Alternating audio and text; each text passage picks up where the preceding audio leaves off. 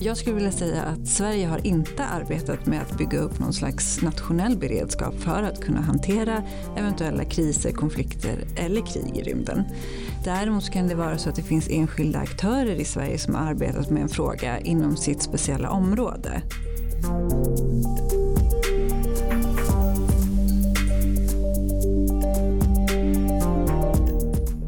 Det som händer i rymden stannar oftast i rymden, vilket är ett av problemen. Ehm, 2007 när Kina genomförde ett eh, antisatellitvapentest så sprängde de en av sina egna satelliter och mycket av det skrotet som bildades då finns kvar idag.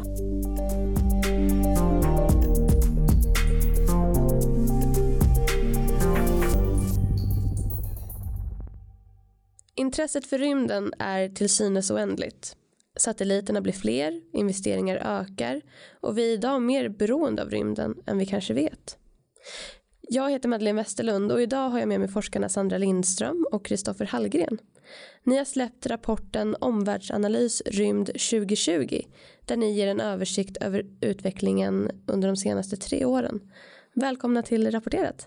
Våra lyssnare har kanske olika stor förkunskap vad gäller rymden så därför tänker jag att vi ska börja och lägga någon form av ja, grundplatta och det tänkte jag att vi gör genom några påståenden som ni får besvara.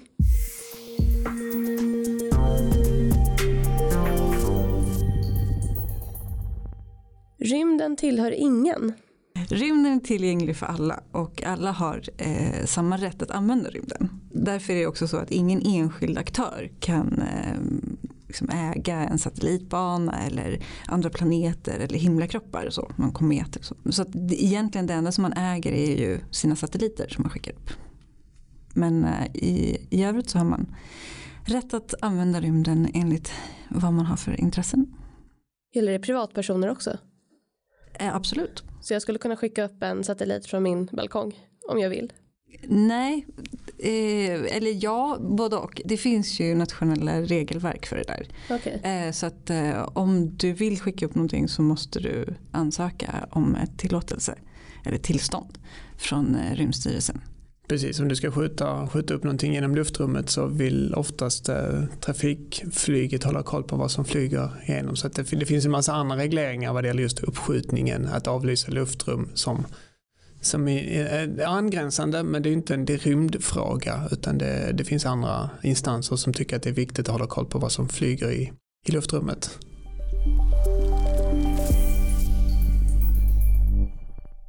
Det som händer i rymden stannar i rymden.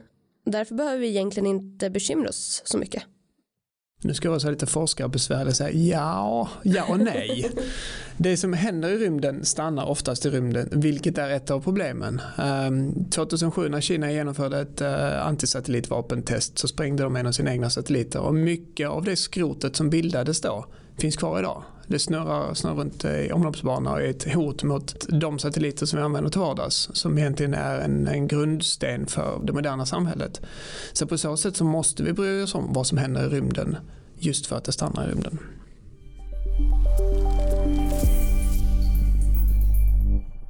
Rymden är redan en arena för krigföring. Både och. Det pågår ju inte ett krig i rymden idag. Men eh, flera länder har idag valt att inkludera rymden som en operativ domän. Eh, just på grund av att det finns ett ökat beroende av rymden eh, i samhället i stort, både civilt och militärt. Och det här innebär då att numera så ser man rymden som en arena där krig skulle kunna bedrivas. Och framförallt då så är det en domän där nya kriser och konflikter kan uppstå som sen skulle kunna eskalera på jorden eller tvärtom. Men det här innebär ju inte nödvändigtvis att länder planerar för offensiva åtgärder.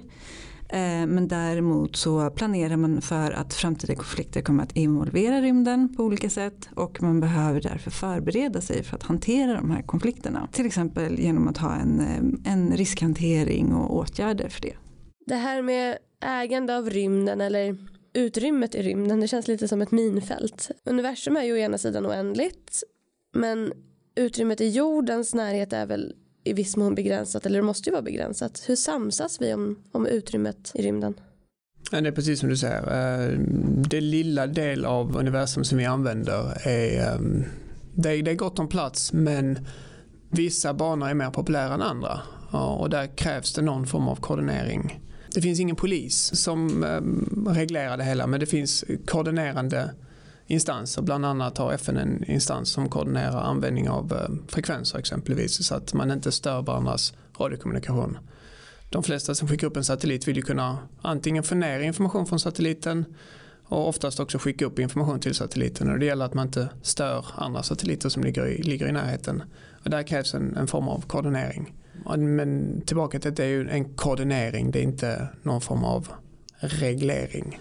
Eh, om man tänker sig att det finns en, en nyansskillnad däremellan. Så det är, inte, det är inte den instansen som bestämmer då vem som får skicka upp? Utan man ska samsas om det? Precis, det finns ingen som bestämmer utan det är som Sandra nämnde tidigare att man kan ansöka tillstånd. I Sverige behöver ansöka tillstånd Rymdstyrelsen. Andra länder har andra regler. Men, men internationellt sett så, så, finns det ingen global organisation som ger tillstånd för att skicka upp satelliter i rymden utan det är, det är upp till, till var och en. Vissa av FN-avtalen föreskriver att man ska registrera satelliterna men det, det är mer en registrering. Men har det funkat bra fram till idag då? Eller har det liksom uppstått problem? Det fungerar ganska bra. Förvånansvärt bra skulle vissa till och med säga. Eh, vi har haft ett väldigt få olyckor eh, i rymden. Eh, det finns väl risk för att det blir fler ju, ju mer aktörer och ju fler objekt som, som skickas upp. Men än så länge så, så har vi tack och lov klarat oss relativt bra från, från den typen av olyckor. Vilka aktörer är det som är drivande i teknikutvecklingen? Idag är det en blandning av, av aktörer eh, som är drivande. Eh, det är både statliga aktörer eh, och då är det både civilt och militärt. Framförallt idag så är det ju kommersiella aktörer. Så det beror helt enkelt på vad satelliten ska användas till. Eh, och vad det finns för drivkrafter bakom. Men de som har eh, störst närvaro i rymden är eh, alltså de stora rymdaktörerna. Det är ju USA, Kina och Ryssland. Mm, men även Indien, Japan och, och EU. Men eh, sen ska man ju då komma ihåg att sen ett par månader tillbaka så är det faktiskt ett företag, det amerikanska företaget SpaceX som har flest satelliter i rymden.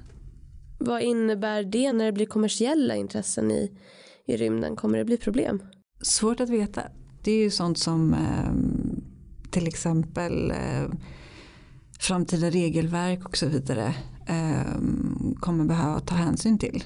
Därför att de eh, lagar och de regelverk som finns idag är inte anpassade för den utvecklingen vi ser idag med där de kommersiella aktörerna är den största andelen eh, i rymden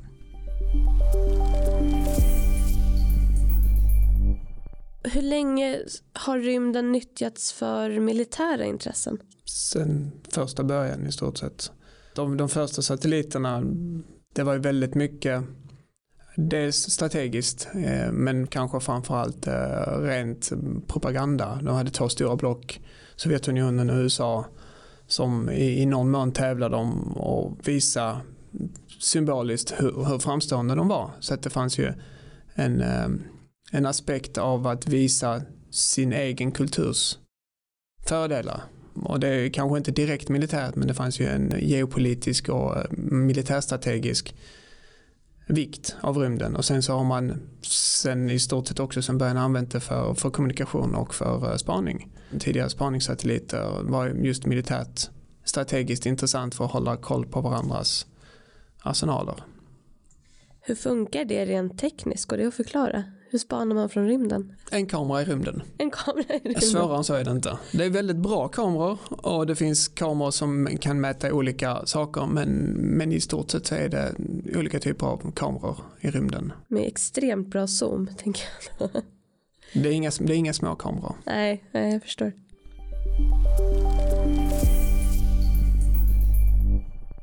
I början av 2010-talet så genomförde Ryssland flest uppskjutningar men i slutet av samma decennie har deras uppskjutningar minskat markant och Kina är numera uppe på samma nivåer som Ryssland var 2012-2014. Vad säger egentligen mängden uppskjutningar om nationens rymdförmåga? Ni har ändå valt att ha med det i, i er rapport. man ska komma ihåg att Ryssland har alltid varit en av världens största rymdaktörer och är det fortfarande. Eh, Medan Kina är en relativt ny rymdaktör men som har gjort enorma satsningar under framförallt de senaste tio åren. Eh, och eh, är väl egentligen det land som idag eh, på riktigt kan utmana USA. För USA är den överlägset största aktören. Och visst är det så att mängden uppskjutningar eh, såklart är en indikator på eh, vilka olika ambitioner eh, olika länder har. Men man ska däremot kanske inte stirra sig blind på um, liksom antal uppskjutningar under ett enskilt år. Eh, utan det är ju mer trenden eh, mm. som är intressant. Eh, och Ryssland har haft lite problem som en följd av sanktioner efter det som hände i Krim. Men eh, vi ser ju nu att de har eh, väldigt ambitiösa planer framöver för att eh, skjuta upp satelliter med början i år redan. Okej. Okay. Vet man då vilka typer av satelliter det är också? Till del. Det är ett antal militära satelliter som man säger sig skjuta upp. Men exakt deras förmåga det, det vet vi inte. Men också en massa civila satelliter och man planerar att byta ut det i GLONASS, deras eh, navigationssystem, att byta till en ny generation satelliter där. Så att det, det är underhåll av, av existerande system men även nya system. Vad händer med en satellit som liksom, om man ska ersätta en satellit, vad händer med den gamla? Det är lite olika. Ibland så har man otur så, så dör så att den dör. Den slutar fungera innan man har en ersättare och då, då ligger den kvar. Och då är det tillbaka till det vi pratade om tidigare att den ligger kvar. Den försvinner inte. Den kan ligga kvar väldigt länge och utgöra ett hot mot andra satelliter. I vissa banor så är man väldigt noga med att flytta den så att den inte utgör ett hot. Och det är framförallt den geostationära banan. Då flyttar man ut den så att innan den slutar fungera så kastar man bort den i en eh, eh, i en kyrkogårdsbana i stort sett. Så en kyrkogårdsbana? Graveyard Orbit. Hur skulle ni beskriva en bana? Jag får ju en bild i huvudet sån här, ja, men ungefär som flyg, som flygåker. De åker i olika, nu kommer jag inte ihåg vad det kallas. Är det samma sak i rymden? Lite, analogin fungerar okej, okay, men vad det gör, geostationära bältet är ju väldigt, väldigt tätt befolkat. Det är väldigt mycket satelliter där och det är väldigt väl koordinerat var satelliter får vara. Så när en satellit slutar fungera så ska den lämna plats till en ny satellit och då, då puttar man ut den så att, säga, så att den inte ligger kvar på sin plats utan den flyttas ut och på så sätt inte ska ta upp platsen för någon annan. Behöver man åka upp i rymden för att göra det fysiskt eller kan man göra det från jorden? Det kan man, om, om den fortfarande fungerar så, så gör man det från, så att säga, då skickar man bara ett kommando till satelliten. Ehm, det hade varit bra om man kunde åka upp och plocka bort mycket skrot för då hade den här problematiken med skrot i rymden kunnat förbättras. Ehm, det finns rekommendationer om att satelliter inte ska finnas kvar om 25 år. Ehm, men det efterföljanden är tveksam. Ehm, satelliter på låga höjder, när de slutar fungera så kan man se till så att de återinträder, det vill säga de trillar in i jordens atmosfär och brinner upp. Och då blir vi av med problemet. Vi har vid vår sommarstuga så finns det ett vrak, alltså en gammal segelbåt som ligger och ingen vet vem den tillhör. Så det är helt avspärrat och ingen vet vems ansvaret är om den här båten. Kan samma sak hända i rymden om, om man skickar upp en satellit och bara nej men nu, nu vill inte jag bry mig om den här längre. Vems ansvar blir det då liksom? Det är faktiskt reglerat. Det är reglerat? Det, ja, precis. För det, när du registrerar en satellit och skickar upp den så är den, det är ett land som måste ha, så att säga, vara ansvarig. Och det landet kommer alltid vara ansvarig om inte de skriver över det på någon annan. Men det är alltid någon som kommer sitta med svartepetter. Ehm, det kan bli problem om det med vissa skrotbitar som, som man inte riktigt kan härleda till, till en, en satellit. Men de, de stora satelliterna eller de stora objekten härrör och är registrerade på ett land och då är det det landet som är ansvarigt.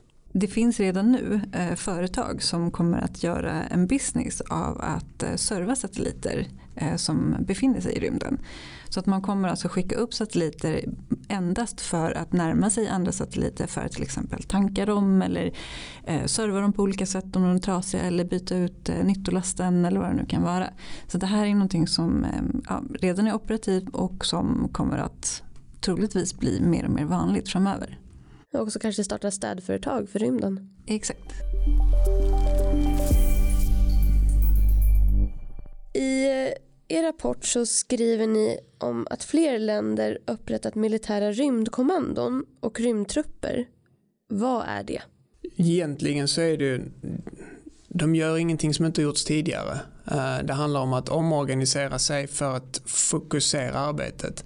Eh, om man tänker USA som exempel så Space Force idag har egentligen samlat kompetenser som har funnits spridd i organisationen tidigare. Så att det är en, det är en mer, man kan tänka sig som en centraliserad, men centraliseringsomorganisation där man tar kompetensen som var spridd, samlar den på ett ställe för att göra det mer effektivt och i någon mån även bygga en bättre domänkunskap. Om man sitter som enskild rymdansvarig på olika ställen så, så, så är det svårt att få in den fullständiga domänkunskapen men om vi samlar alla de här människorna så finns det en, en tydligare karriärväg och det finns en möjlighet att faktiskt bygga kompetensen från, från grunden till, till de som ska arbeta med det. Så att det är, är det då en rymdtrupp? Precis. Um, det är i huvudsak vad de, de som sagt det är väldigt få nya uppdrag de har idag jämfört med hur det såg ut innan. Det är, bara, det är samlat av, eh, av olika skäl. Och ett rymdkommando, vad är det? Det är ett annat ord. Ja, det är, det är samma sak. Okay. olika länder har lite olika benämningar för det hela. Um, Frankrike har valt att kalla det sina flygrymdstyrkor. Uh, så att i, i någon mån så handlar det om vad man benämner det men, uh, men det är ingen sakskillnad i, i, kopplat till benämningen. Hur ska vi tolka då att man samlar kompetensen, att man liksom gör på det här sättet? Det behövs. Att det kan, behövs? Ja, precis. Det är, mm, när, när fler, det är, som jag, det är ju jättemånga nya aktörer och det är en helt annan eh, situation uppe i rymden. Och då blir det enklare att du faktiskt samlar kompetensen och pekar ut en, ett tydligt ansvar. För det är det också, rymdstyrkan och rymdkommando är de som har det tydliga ansvaret för att hantera olika situationer. Om ansvaret är spritt så, så är det risk för att det inte riktigt finns någon som, som tar ansvaret. Men nu finns det tydligt utpekat ansvar och en, en tydlig väg, tydliga mandat, vilket underlättar för att både planera en krisberedskap och hantera olika situationer jag tolkar det också som såklart att rymden blir allt viktigare. Absolut, man kan säga att hela rymdområdet växer eh, i omfattning. Eh, och det innebär att det blir, ju, det blir fler satelliter och det blir fler satellittjänster. Så att det blir, det blir fler som använder sig av rymden runt hela världen. Eh, och det här gör också att det blir ett stort ett beroende av rymden helt enkelt och de, de satellittjänster som finns. Så att eh, absolut eh, blir det viktigare.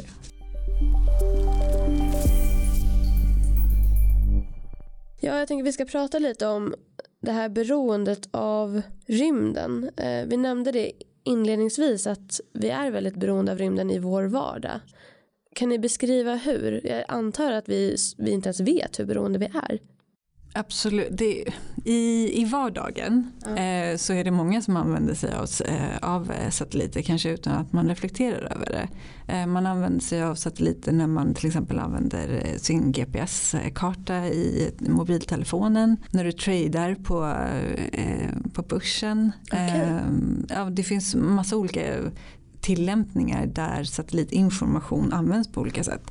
Ehm, sportsändningar från andra länder via satellit. Ehm, så det finns väldigt mycket som liksom gemene man påverkas av. Det är, en väldigt, och det är väldigt väl integrerat i till exempel transportnät, eh, i elnätet. Eh, polis och räddningstjänst använder sig av det för att komma fram snabbare till de som behöver hjälp.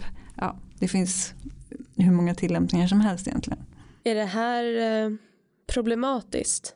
Att vi är så beroende av, av det. Jag läser just nu en eh, förarintyg för båt till exempel där man får lära sig ta ut kurser på karta. Jag känner att det här känns ju helt onödigt. Det här har jag i min telefon. Men det kanske inte är så onödigt, eller? Amerikanska marinen har börjat att lära ut att ta ut eh, liksom, eh, kurs med karta och kompass. Eh, de har varit väldigt fokuserade på GPS men de känner att det där beroendet är en risk. Mm. Alltså ska vi börja träna våra, våra sjömän på att faktiskt vara till sjöss även när vi inte har tillgång till, till GPS.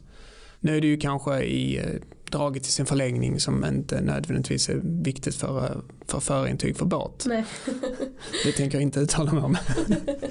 men men om, man, om man vill dra en, en slutsats därifrån så är det som sagt att även amerikanska marinen som i någon mån är de som har bäst möjlighet att, att hantera en sån situation ser det som en risk att vara ensidigt beroende utan ha, ha en redundans för att kunna agera i en situation när man inte har den tillgång till alla rymdtjänster som vi har idag i fredstid. Kan man säga att det pågår en internationell rymdkapprustning? Och går den i så fall att jämföra med eh, kärnvapenrustningen som skedde på 60-talet? Jag skulle vilja säga så här att eh, rym, själva ordet rymdkapprustning eh, kan man eh, tolka eller läsa in på flera olika sätt. Eh, det kan exempelvis handla om en upprustning av vapen i rymden. Mm. Eh, eller en upprustning av vapen som ska användas mot satelliter men som, ja, från marken. Så att säga. Och idag så pågår det definitivt en utveckling av markbaserade vapen eh, som då ska riktas mot rymden eller mot satelliter. Eh, och det är flera länder idag som är inblandade i den här utvecklingen. Vilka länder är det? Ja, de självklara är USA, Ryssland, Kina, Indien, Iran. Okay. Det finns flera. Alla stora aktörer i alla fall gör det. Ja, på, i, i olika omfattning och på olika sätt. Och syftet med de vapnen är att ta ut satelliter gissar jag då? Ja, det kan, det kan vara allt ifrån att du skjuter upp en missil för att rent fysiskt förstöra en satellit. Mm. Ehm, det är väl Eh, det sättet som de flesta skulle försöka undvika därför att det kan bidra till väldigt mycket rymdskrot och det kan få mycket större konsekvenser. Man kan ju skada sin egen satellit tänker jag. Precis, eh, så att det kan handla om allt ifrån att du eh, utvecklar ehm, eh, olika system för att störa satelliter. Mm. Eh, så störa kommunikationen med satelliterna. Du, eh, man kanske utvecklar laser för att blända satelliter. Eh, du har cyberkrigföring, det vill säga att du hackar satelliter till exempel. Tar dig in i satelliten och tar över den. Eller ja, på, på, olika sätt liksom oskadliggör satelliten så att den inte går att använda helt enkelt. Det känns ju som en helt annan typ av en helt annan typ av konflikt som är mindre invasiv men det kanske påverkar oss på marken mer än vad vi tror. Ja på så sätt att det, det påverkar ju eh, alla som använder sig av mm, den satelliten precis. eller de tjänsterna som de här satelliterna då eh, skickar ut i samhället på olika sätt.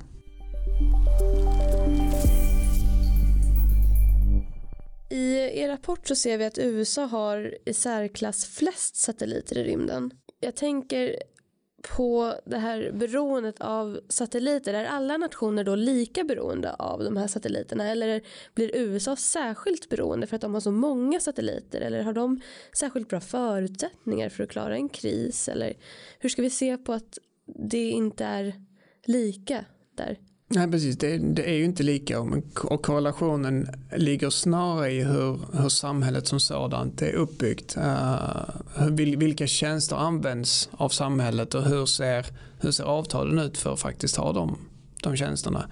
USA har jättemånga satelliter som, som ägs eller är registrerade av USA. Men det gör också att de kanske har bättre insyn i statusen för alla de här satelliterna. Ett land som bara köper tjänsten den har, har, inte samma insyn. De vet inte riktigt vad som händer med satelliterna. Om de slutar fungera, slutar de fungera fem minuter eller liksom, kommer vi aldrig få tillbaka den här tjänsten? Det är inte säkert att, att ett land som bara köper tjänsten har den insikten som USA har när de faktiskt driftar och opererar satelliterna. Så att både, både och. Och sen är som sagt vissa länder kanske mindre beroende för att de inte använder satellittjänster i samma utsträckning. Kommer det bli en ojämn maktbalans? Kommer vi se liksom eh, rymdsanktioner eller satellitsanktioner där man stryper tillgång till olika länder?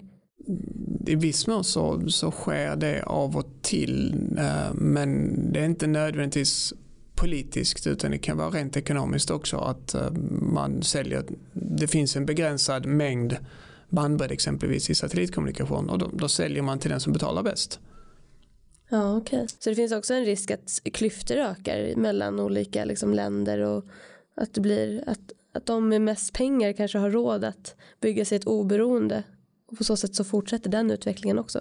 Det är absolut en risk.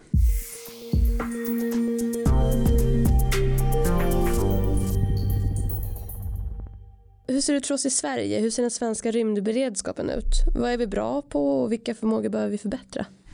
Jag utgår ifrån med, när du säger rymdberedskap att du menar vad Sverige har för beredskap för att hantera eh, utvecklingen i rymden och de mm. eventuella konflikter som vi kan se där. Eh, och jag skulle vilja säga att Sverige har inte arbetat med att bygga upp någon slags nationell beredskap för att kunna hantera eventuella kriser, konflikter eller krig i rymden. Däremot kan det vara så att det finns enskilda aktörer i Sverige som har arbetat med en fråga inom sitt speciella område. Mm. Eh, men man har inte hanterat den här frågan ur ett totalförsvarsperspektiv. Sen är det också så att Sverige har ju en, en nationell rymdstrategi och den strategin är en väldigt bra start om man nu vill förbättra eh, rymdverksamhet i Sverige. Eh, men ska vi kunna nå de mål eh, som står där så kommer det att behövas mer kunskap i Sverige eh, kring utvecklingen i rymden och framförallt mer resurser. Sen så tror vi också att det såklart skulle vara effektivt om man hade mer samverkan mellan civil och militära aktörer i Sverige. Vilka civila aktörer är stora på det här området i Sverige? Tänker vi statliga eller, eller företag? För det finns, ju, det finns ju både och. Vi har ju ett antal företag som som finns i Sverige men som inte nödvändigtvis är svenskägda. Okay. Eh, men det finns även så att säga, civila myndigheter. Rymdstyrelsen är ju en av dem som bevisligen har, har mycket med rymd att göra. Ja, absolut. Eh, som, som är rent civil. Eh, exempelvis. Även MSB har ju, har ju mycket verksamhet som, som är beroende av, av rymdtjänster. Mm. Och de är ju också civila. Men man, man, kan väl säga att där det görs mest verksamhet är väl egentligen inom eh, forskning, alltså den civila forskningen, till exempel Institutet för rymdfysik eh, och eh, universitet och högskolor som eh, ja, genomför utbildning och forskning inom rymdområdet. Så om vi fortsätter på spåret om forskning och blickar framåt. Vad är det konkret som vi behöver lära oss mer om? Om ni fick göra precis som ni ville, vad skulle ni vilja forska på de kommande 5-10 åren? Den, jag tycker den, den första, fråga, första delen av frågan som du nämnde, vad, vad behövs? Eh, så skulle jag, det, det är just det där att en bred förståelse för vilket beroende samhället har av rymden idag. Mm. Um, just bredden att det är många människor som man behöver inte veta detaljer men förstå grundläggande beroende um, just för att kunna göra en, en vettig krisberedskap och en krisplanering. Och därifrån sett så, så känner vi att det finns ju hur mycket spännande som helst att titta vidare på. Eh, och vi, vi ser hela tiden att det är en, det är en jättestor, det går en snabb utveckling i rymden. Och vad innebär den utvecklingen? Hur kommer det se ut framåt när vi har 10-20 gånger fler satelliter än vad vi har idag? Vad innebär det egentligen? Det, det skulle vi behöva fundera på. Och det har varit väldigt intressant att även titta på olika scenarier. Hur förändras domänen vid, vid en kollision exempelvis? Vilka effekter får de på olika satellitbanor? Det finns jättemycket att titta på. Det är intressant det här du nämner om att det behöver finnas en mer större kunskap i allmänheten om hur beroende vi är av satelliter. Jag tänker på den här eh, pamfletten alla fick hem om eh, kriget kommer. Var det så den hette? Kriset eller kriget, kriget eller krisen. Exakt. Hade ni velat komplettera den med någonting? Kanske. jag har inte tänkt på den tanken tidigare ska jag känna. Uh, kom tillbaka om en vecka. Ja, ni får fundera lite. Så. Men det är ju lite det här som är, som är kärnan, eh, eller det vi försöker säga här, att det behövs, det behövs mer, mer arbete och mer ansträngningar för att faktiskt bottna i det här med hur sårbart är det svenska samhället när vi tittar på satelliter och satellittjänster. Hur vet vi vad som egentligen kommer att hända om en satellit försvinner eller, eller slutar fungera ja, av någon anledning. Vad, vad, leder det till? För det kommer få en massa olika kedjeeffekter. Och vi är inte ens där att vi förstår eller att vi vet vad det faktiskt skulle ge för konsekvenser. Det finns ju andra länder som har studerat frågan och kommit fram till att det kan få enorma konsekvenser för samhället. Ehm, Storbritannien har gjort en studie där de till exempel har kommit fram till att de, nu, nu är inne på beroenden, eh, de menar att de är beroende av andra länders satelliter till ungefär 90 procent här för mig att det var. Och att, de, eh, att om, om då satellit eller satellittjänster skulle sluta fungera av någon anledning så skulle de till, till och med då kunna drabbas av en ekonomisk blackout. Så att det kan ju få väldigt stora konsekvenser för ekonomin och så vidare. Så jag tror att vi måste liksom börja med att ta reda på vad kan det faktiskt få för konsekvenser. Eh, hur ser den här sårbarheten ut? Och sen så kan vi liksom skriva den här pamfletten. en helt egen pamflett. Om satelliten dör. Precis. Ja. Men samma fråga till dig då Sandra. Vad skulle du vilja forska på de kommande 5-10 åren? Eh, jag säger som Kristoffer, det finns eh, jättemycket att ta tag i. Och fick jag önska så skulle väl jag se, eh, skulle jag väl hellre se fler frågor där man fokuserade på eh, försvarsaspekterna. Alltså forskning för eh, försvar inom rymdområdet. Eh, kan vi konkretisera det lite mer? Vad innebär, vad innebär det? Det låter så stort.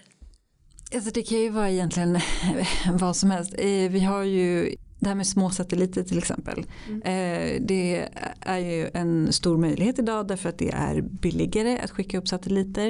Eh, det är billigare att utveckla satelliter. Eh, man skulle kunna, det finns ju flera organisationer och i, i flera olika länder som skickar upp satelliter bara i forskningssyfte. Därför att det är en möjlighet idag för att det är inte en så stor kostnad. Så varför skulle inte Sverige kunna ha en som en forskningssatellit för, för försvaret till exempel. Um, sen finns det ju massa olika andra saker att titta på. Du säger små satelliter, då börjar jag direkt fundera på hur stor är en satellit? Hur långt är ett rep? Ja, det är så. Alltså. Ja, de minsta satelliterna som är uppskickade som man faktiskt kunnat så här, prata med, de är som ett kreditkort. Oj. Eh, men de, de kan ju inte göra så mycket. Men det har varit proof of concept. Man har liksom testat att skicka upp det. Ja, men det, det, det funkar och har vi tillräckligt många så kanske man skulle kunna göra lite fräcka grejer. Men småsatelliter standard som man pratar om så är det ju CubeSats, eh, det vill säga någon form av kub, kubformat. Då är det 10 gånger 10 gånger 10 mm. centimeter eh, kuber som man kan sätta ihop i olika formationer, två eller, eller sex. Det är ett relativt vanligt och det är en standardiserad så att säga, ett standardiserat format. Så att det är lätt, lätt att bygga ihop och, och som sagt de är små och lätta att få iväg. Sen så de största satelliterna liksom, de är ju fortfarande uppe i som bussliknande mer eller mindre. Den övre gränsen är egentligen hur, hur stort kan du trycka in någonting i bärraketen. Ja. Uh, och där fram, tittar vi framåt så, så ser min utveckling att man faktiskt börjar bygga ihop saker. Man monterar nya saker i rymden. ISS har ju skickats upp i jättemånga smådelar som har sedan monterats på plats av astronauter. Kan man göra det här automatiskt av robotar så kan du kanske skicka upp helt fantastiska konstruktioner med, med bärraketer där man skickar upp legobitar i stort sett som sedan sätts ihop till, till jättestora konstruktioner. Och då blir det ju ett objekt, var någonstans slutar det här objektet bli, bli en satellit. Det, den där semantiska frågan får vi fundera över längre fram. ja, det här är också helt, inte helt off topic, men eh, jag funderar också på det här med rymdturism. Tror ni vi kommer, kommer vi se det i vår generation? Skulle ni åka upp om ni fick möjlighet? Ja. Ja. Nej. Nej. Ja på båda frågorna. Du tror vi kommer se rymdturism? Ja, men det, det, har, det har vi redan sett. Det är bara väldigt dyrt. Eh, precis, än så länge så är det väldigt dyrt men det, det finns ganska många människor på jorden som har väldigt mycket pengar. Mm. Uh, så det har ju skett ett fåtal gånger men jag tror att vi kommer att se det kommer att bli vanligare och vanligare. Absolut, även om det inte gick så snabbt som optimisterna trodde. Det är fortfarande svårt att skicka upp saker i rymden och rymden är en ganska besvärlig miljö. Och människan är inte alls utvecklad för att vistas någon längre tid i rymden. Man kanske inte mår så bra där uppe. uh, intressant och du vill inte åka? Nej absolut inte, jag blir åksjuk. Så att, uh, jag, jag, jag, tänker att det där är nog det ultimata testet på åksjuka. Känns inte alls trevligt. jag ska vara helt ärlig, jag ska erkänna att eh, jag har inte ens sett Stjärnornas krig eller Star Wars. Jag har inte sett många rymdfilmer alls. Om jag nu ska börja, vilken är enligt er den bästa rymdfilmen? Alltså är en rymdfilm en film som utspelas i rymden eller är det, för det finns ganska många, det är, det är en, en nyansfråga vad är en rymdfilm. Uh, jag tycker Moon är en fantastisk film som råkar utspela sig på månen men, men temat och, och dramat i sig är ju egentligen något helt annat. Ehm, och sen så finns det väldigt många bra serier där man har möjlighet att faktiskt bygga upp en story och intressanta karaktärer. Nu senast The Expanse. Jag ser jättemycket fram emot att se Stiftelsen. Jag vet inte om det är en rymdfilm eller om det är en science fiction Ja, det måste för ni som vet så mycket om rymden, för er måste det där bli mer science fiction ofta än en rymdfilm, även fast jag som inte vet lika mycket. Eller ibland dålig fiction, inte science fiction. Okej. Sandra, är det någon favorit? Eh, ja, precis. Det beror på vad man menar med rymdfilm. Men eh, Iron Sky, den måste man ju se. Ja, det är fantastisk. första filmen, den är faktiskt jätterolig. Eh, sen eh, så skulle jag vilja tipsa om den här serien Space Force. Ah. Den är både rolig men också lite, lite utbildande. Så kanske man får, även fast den är lite, det är ju satir så är det ju ändå lite, man får ju ändå en känsla för vad det här med Space Force innebär. Det är den med Steve Carell, eller hur? Precis. Han är... Ja, jag har sneglat lite på den för jag älskar ju The Office. Mm. Ja men då rekommenderar jag den. Generalen för Space Force tycker att den valde fel skådespelare. Jaha. Det vill säga den riktiga Space Force. För att den riktiga generalen han är skallig. Han tyckte att det... Det var för mycket hår. Ja. Med det så avrundar vi dagens avsnitt av Rapporterat som har handlat om utvecklingen i rymden. Och avslutningsvis så måste jag såklart slå ett slag för er rapport Omvärldsanalys rymd 2020. Den länkar vi som vanligt till på www.foi.se rapporterat. Tack för att ni kom hit. Tack. Tack så mycket.